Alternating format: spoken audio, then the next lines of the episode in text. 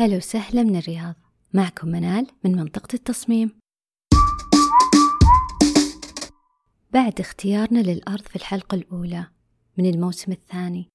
الآن مرحلة البحث عن المكتب الهندسي.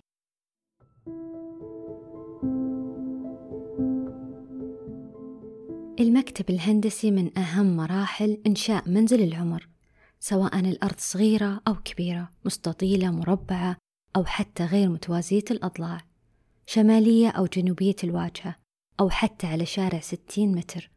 الإبداع في التحديات هي مهارة المكتب الهندسي. في حلقة اليوم بنتكلم عن اختيار المكتب الهندسي طريقة التسعير العقد وكيف نستعد لأول اجتماع بعد توقيع العقد.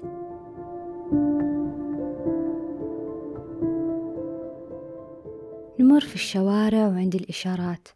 نشوف لوح لمكاتب هندسية على عماير ومحلات تجارية في كل مكان. أسماء يمكن أول مرة نسمع عنها. مكاتب بأسماء أشخاص وعوائل أو حتى أسماء ليس لها علاقة بالعمارة أو المكان لكن الأكيد لها دلائل وأسباب للملاك. السؤال المهم هنا كيف أختار من هالمكاتب؟ فيه اللي أسعاره عالية. في القديم بالسوق ولا خبرة وفيه الحديث في مكاتب صممت مشاريع ضخمة وفي مكاتب ما ندري عنها. في مكاتب نعرف اسم مهندسينها بس ما نعرف الاسم الفعلي للمكتب. كلها تساؤلات عند العميل كيف أختار المكتب المناسب؟ عشان نفهم الفكرة في مكاتب هندسية توجهها تجاري أكثر يعني تصميم مباني تجارية وأسواق وهكذا. في مكاتب لها طابع خاص تبدع فيه. يعني كل تصاميمها حديثة ولها طابع خاص فيه. في مكاتب لها طريقة خاصة في التصميم وتتبنى الفكر الفلسفي أكثر. في مكاتب تبدع في الطرز الكلاسيكية وفي مكاتب تنسخ مع الأسف مخططات موجودة تضغطها في أراضي قد تكون أصغر أو توسعها على مساحات أكبر مع تجاهل احتياج العميل أو حتى أبعاد الأرض. في مكاتب تبدع وتاخذ وقت أطول لكن تنتج تحفة فنية جميلة. هنا لك الخيار. إذا كنت مستعجل ميزانيتك محدودة تفضل طراز معين.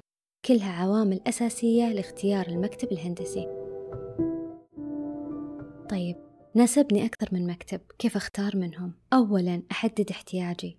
هل المهم عندي نوع الطراز أم المدة الزمنية؟ وإذا أنا مستعجل أو لا؟ وهكذا. أتواصل مع المكتب وأستفسر عن المدة الزمنية. وهل تصميم المنازل من الخدمات المقدمة لأن بعض المكاتب تغير توجهها ويكون لها طراز خاص فيها. إذا كان مناسب لكم استفسروا عن طريقة التسعيرة إذا كانت عن طريق الإيميل التليفون أو اجتماع حضوري مع المكتب. تسعيرة التصميم ماذا تشمل؟ بعض المكاتب تطلب معلومات قبل التسعيرة وبعضها بعد دراسة الطلب كامل. كل مكتب ولا طريقته في التسعير. المهم هنا نفهم أن المكاتب لها أكثر من طريقة في التسعير. التسعيرة تاخذ وقت وجهد لأن يدخل فيها اعتبارات كثيرة المخططات الإنشائية وتعقيدها واشتراطات البلدية دراسة كود البناء السعودي ودراسة الكود لهذا الحي إن وجد الرخص الطرز والإبداع ومدى تحقق متطلبات العميل مع المعطيات. تصميم منزل وتسليمة في شهر أكيد أقل للعميل تكلفة من ثلاثة أشهر. التكلفة أعلى كل ما زادت مدة التصميم. طبعا أفضل للمكتب تسليم المشروع في أقل مدة زمنية من زيادة المدة أثناء التصميم. فثلاث مشاريع في ثلاث أشهر أكثر ربح من مشروع واحد في ثلاث أشهر على سبيل المثال. لكن بعض العملاء مترددين وبعد الموافقة على التصميم يستمر في التعديل لأشهر. الأكيد للعميل الحق في طلب تعديلات المخططات لأن منزل العمر لكن يتجاوز المدة وعدد التعديلات في العقد حتى مع توافق المتطلبات. وقد يؤدي إلى تغيير المخططات بالكامل. هنا بأغلب المكاتب تحسب عليه تصميم جديد فيخسر المال والوقت. لذلك من الأفضل يكون العميل واضح من الاجتماع الأول في معرفة متطلباته ودقيق في ذكر احتياجاته مع أفراد الأسرة. التصميم المرغوب التصميم الغير مرغوب. قد يستهين العميل بوقت الاجتماعات يعتذر عن الحضور ويتأخر المشروع. بالأغلب يكون في شروط جزائية في حال تغيب العميل عن المشروع لأن فيها تعطيل لمشاريع أخرى وعملاء آخرين بالإضافة إلى التكلفة العالية المحسوبة. طبعا كل مكتب وله سياسته وكل مكتب له طريقته في التسعير لكن هذه الطريقة المتعارف عليها. أصارحك أن طريقة حساب تكلفة تصميم منزلك يدخل فيها كثير من الاعتبارات اللي ما يصرح فيها المكتب بالتأكيد لكنها بديهية. طبعا المكتب الهندسي مو جمعية خيرية فيه مصاريف شهرية وسنوية ملزم في سدادها. كمالك لمكتب استشارات هندسية بعطيكم نبذة عن بعض المصاريف اللي تواجهنا. عندنا رواتب الموظفين والمهندسين والعاملين على التصميم مثل المعماري والإنشائي والرسامين. أضف إليها التأمين الصحي والاجتماعي والحوافز وغيرها. عندنا إيجار المكان عندنا الرخصة الهندسية للمكتب والسجل التجاري. ورخصة البلدية تدفع سنويا. عندنا رسوم برامج الرسم الهندسي تدفع أيضا سنويا.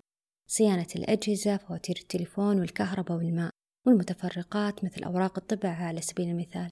حتى ضيافتك بالقهوة والشاي تحسب من تكلفة المشروع وإن كانت غير مباشرة. الأكيد أن مشروعك ليس الوحيد في هذه المدة إلا أنك تتحمل بعض مصاريف هذا المكتب. حتى لو رسم العميل المخطط باجتهاد منه ظنا منه أنه بهالطريقة بيوفر قد يغيب عنا سماكة الجدران مساحة الدرج الفعلية مدخل المنزل مع الأبواب والدرج تقسيم المساحات المناسبة والخدمات والغرف وبالتالي قد يتغير التصميم بالكامل ناهيك عن التصميم الغير فعال. مساحات الممرات المهدرة ومواقع الأبواب الخاطئة والاعتبارات الهندسية الأخرى. بكذا لو ترك التصميم للمختصين لوفر عليهم جهد ووقت ومجال للإبداع. طريقة تسعير المكاتب الهندسية. في عدة طرق للتسعير. راح أذكر لكم بعض الطرق المشهورة وهي الأهم. أول طريقة للتسعير هي بالمتر المربع وهذا دارج عندنا بالسعودية. يختلف سعر المتر المربع بحسب التكلفة مثل ما ذكرنا سابقا بالإضافة إلى مدى تعقيد المشروع والمتطلبات. الطريقة الثانية بحسب شهرة المعماري أو المكتب الهندسي. نتكلم عن معماريين مشهورين عالميا مثل نورمان فوستر ورينزو بيانو على سبيل المثال. شهرتهم في تصميم مشاريع استثنائية مبتكرة مميزة ومعقدة التصميم والتنفيذ. تختلف عن المكاتب الهندسية العادية. الطريقة الثالثة بالمفتاح اللي هي اللمسم وهي بالعادة تصميم مع تنفيذ. هالطريقة مستخدمة في كثير من المشاريع التجارية. طبعا بعض المكاتب تقوم بالتنفيذ تكون بطريقة ناجحة. الطريقة الرابعة بالساعة أو باليوم وأعتقد أنها طريقة غير واضحة للعميل ومجحفة للمكتب. اعتبارات كثير ناخذها بعين الاعتبار مثل الاختلاف في المدة المستغرقة في التصميم. تختلف من مشروع لمشروع ومن مصمم لمصمم.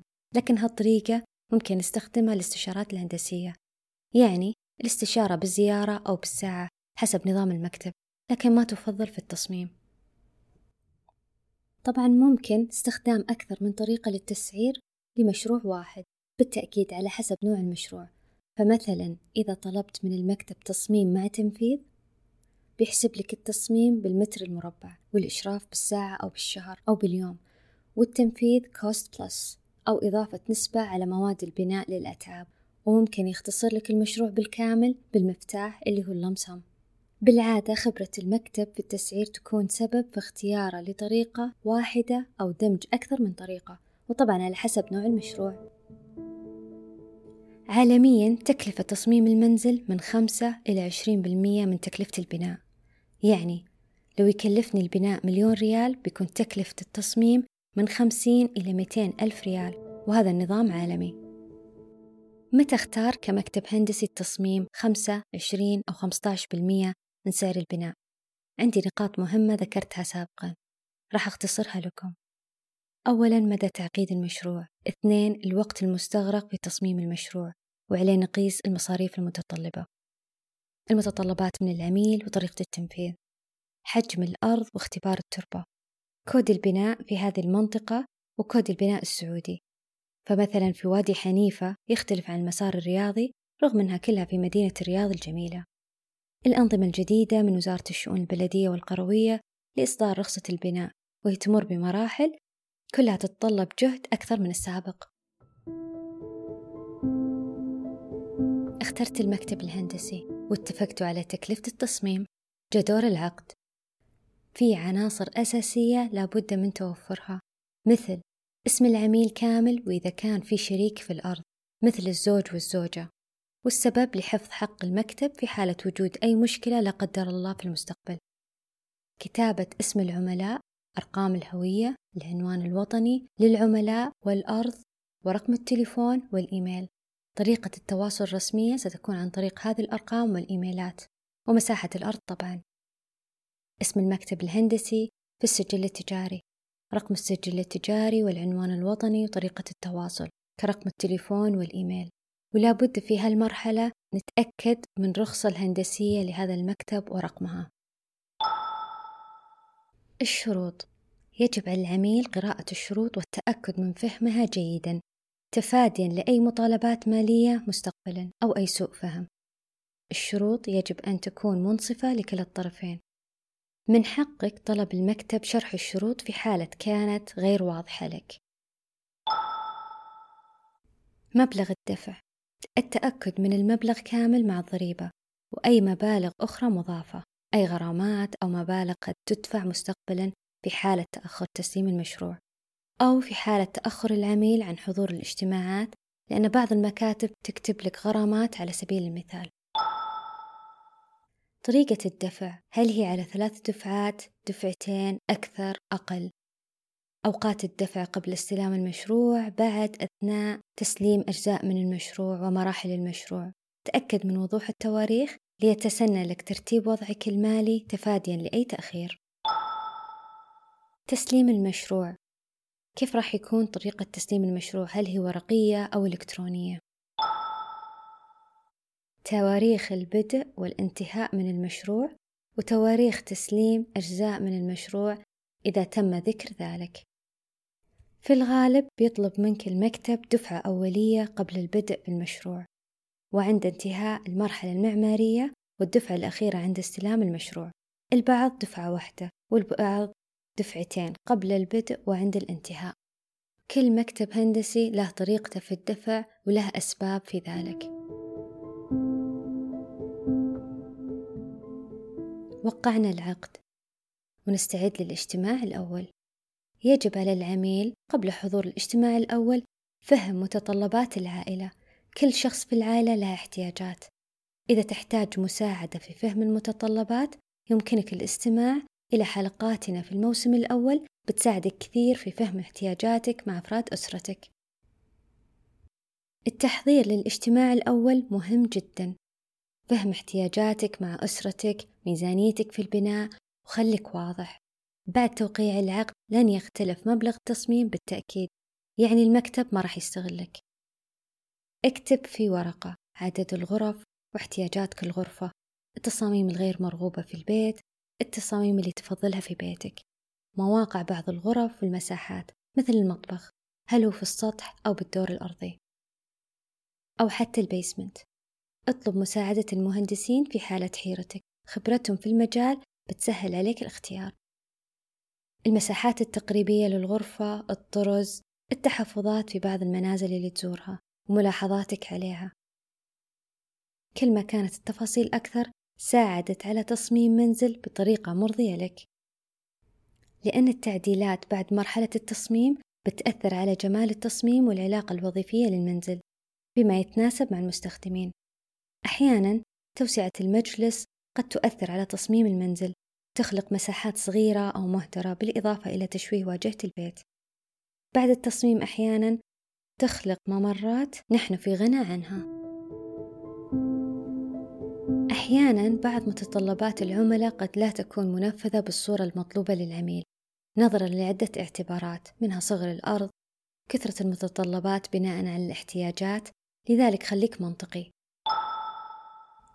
نصائح لمرحلة تصميم المنزل معماريا وإنشائيا. أولا ابحث عن المكتب الهندسي المناسب لك سواء مناسب لطرازك أو ميزانيتك. بعض المكاتب الهندسية المعروفة تقبل المساحات الكبيرة فقط أو طرز معينة. بعضها تصمم المباني التجارية فقط. استثمر في مخططاتك. الاستثمار في مخططاتك هو الاستثمار في بيتك يزيد من قيمة السوقية في حالة البيع. رقم اثنين استثمر في مخططاتك. الاستثمار في مخططاتك هو الاستثمار في بيتك. يزيد من قيمة السوقية في حالة البيع. المخططات الإنشائية وتوزيع الأعمدة تحديد كمية الحديد وسمك الصبة والدرج والعوازل. كلها يتم دراستها بناء على اختبار التربة وموقع الأرض إذا على مدينة ساحلية أو جبلية وهكذا. المخططات الأخرى مثل الكهرباء والإضاءة والخدمات كالصرف الصحي الله يكرمكم. والمياه. تصميم دورات المياه يساعد المقاول على إتقان عمله بأكمل وجه. رقم ثلاثة. كتابة جميع احتياجاتك في كل غرفة. يتم توضيحها في المخططات بناء على الاحتياج مثل مواقع الأفياش والماء. يعني حاب منطقة للقهوة؟ من الآن أذكر للمكتب ليتم توفير منافذ الكهرباء والماء في موقعها الصحيح. رقم أربعة. في حالة وجود خطط مستقبلية بتبيع البيت أو بتستثمره في المستقبل أو حتى تحويل بعض المساحات مثل غرف الأطفال إلى مساحات أخرى أو أجنحة للأبناء إذا صاروا كبار. أذكر المهندس ليتم دراسة الأعمدة في حالة التعديل فلن تكون عائق لك في المستقبل. خمسة انتبه من استخدام المخططات الجاهزة. المكتب الهندسي اللي يستخدم المخططات الجاهزة يراعي فيها مع الأسف عدم تغيير المخططات الإنشائية منعا لإعادة أي مخطط بالرسم. أيضا يكون فيها أخطاء كثيرة بالإضافة إلى عدم تطابق المخططات الإنشائية مع نوع التربة وزيادة الحديد المسلح والأعمدة. إذا كانت مساحة أرضك أصغر من مساحة البناء في المخطط الجاهز هنا بينتج عندك مساحات ضيقة وتشويه في التصميم. بينما إذا كانت أكبر فإن المخطط غير مناسب لك وبتزيد المساحات المهدرة. طريقة المكتب بتكون كالآتي بيسحب الجدران ويكبر المساحات. الحل الأسهل والأفضل هو تصميم مبتكر في مساحات كبيرة جميلة بدلا من إهدار البناء في ممرات وموزعات وصالات غير جميلة التصميم. التوفير المؤقت في هذه المرحلة اللي هي مرحلة التصميم ينتج عنا زيادة في تكلفة البناء لأن المخططات الإنشائية تحتاج دراسة وتخطيط جيد وزيادة الحديد والأعمدة الإنشائية بتكون موجودة والأخطاء واردة وتكلفك هدم وتعديل أكثر. ستة المخططات الكهربائية الدقيقة المدروسة على سبيل المثال تريحك المستقبل لأن الإغفال عنها يترتب عليه أخطاء مستقبلية وتتشتت عند البناء بكلمك المقاول ويقول كم تحتاج فيش. وين موقعها؟ الحل أنك توقف مع الكهربائي وتحدد المواقع بعشوائية. بيكون في بالك يمكن أحتاج أفياش زيادة يزيد ولا ينقص. أو تتركها للمقاول وفي كل الحالات بتشوف أسلاك توصيلات في أغلب مساحات البيت. لذلك في مرحلة التصميم تأكد من توزيع الكهرباء مع توزيع الأثاث. في مرحلة التصميم وبنتكلم عن هذا الموضوع بإسهاب في الحلقة القادمة بإذن الله. كثير تجيني استشارات مع الأسف المخططات مكررة. مساحات البناء فيها ممتازة لكن الممرات كثيرة والتوزيع غير موفق أبدا. مهم التأني في التصميم. علاقتك مع المكتب الهندسي تؤثر على جودة التصميم. احرص أن تكون علاقتك معه جيدة. وأن تكون من مهام المكتب بناء على العقد. العلاقة لا يجب أن تؤثر على التصميم. ولكن إذا كنت عميل تحترم مقدمي الخدمة سيتم خدمتك بأفضل مما تعتقد. سيبذل المهندس وقت أكثر في التصميم والإبداع. بعض المكاتب الهندسية تكسب عملائها كأصدقاء. ويساعدك كثير في المستقبل. في حال أردت تعديل منزلك أو طلب مخططات في المستقبل. في حالة كان العميل فظ وسيء التعامل أو متعالي ويظن أن دفع للمال مقابل هالخدمة هو ما يهم فأجزم لك أن بعض المكاتب تتجنب هذه الفئة من العملاء بغض النظر عن المبلغ أو المشروع رغم أن بعض المشاريع بتضيف للمكتب ماديا أو حتى كسمعة. التعامل مع العميل لأشهر يمثل ضغط على المهندسين وينتج مشروع أقل من المستوى المطلوب. أعترف لكم العميل الراقي يحرجني شخصيا. أتعامل مع مشروعه بكل احترام. أقدم له ما أستطيع من خدمات وأعترف لكم في المقابل أن في عملاء اعتذرت منهم بطريقة لطيفة عن تقديم الخدمة قبل حتى توقيع المشروع. العملاء الراقين هم من يستحقون من الجهد والخدمة.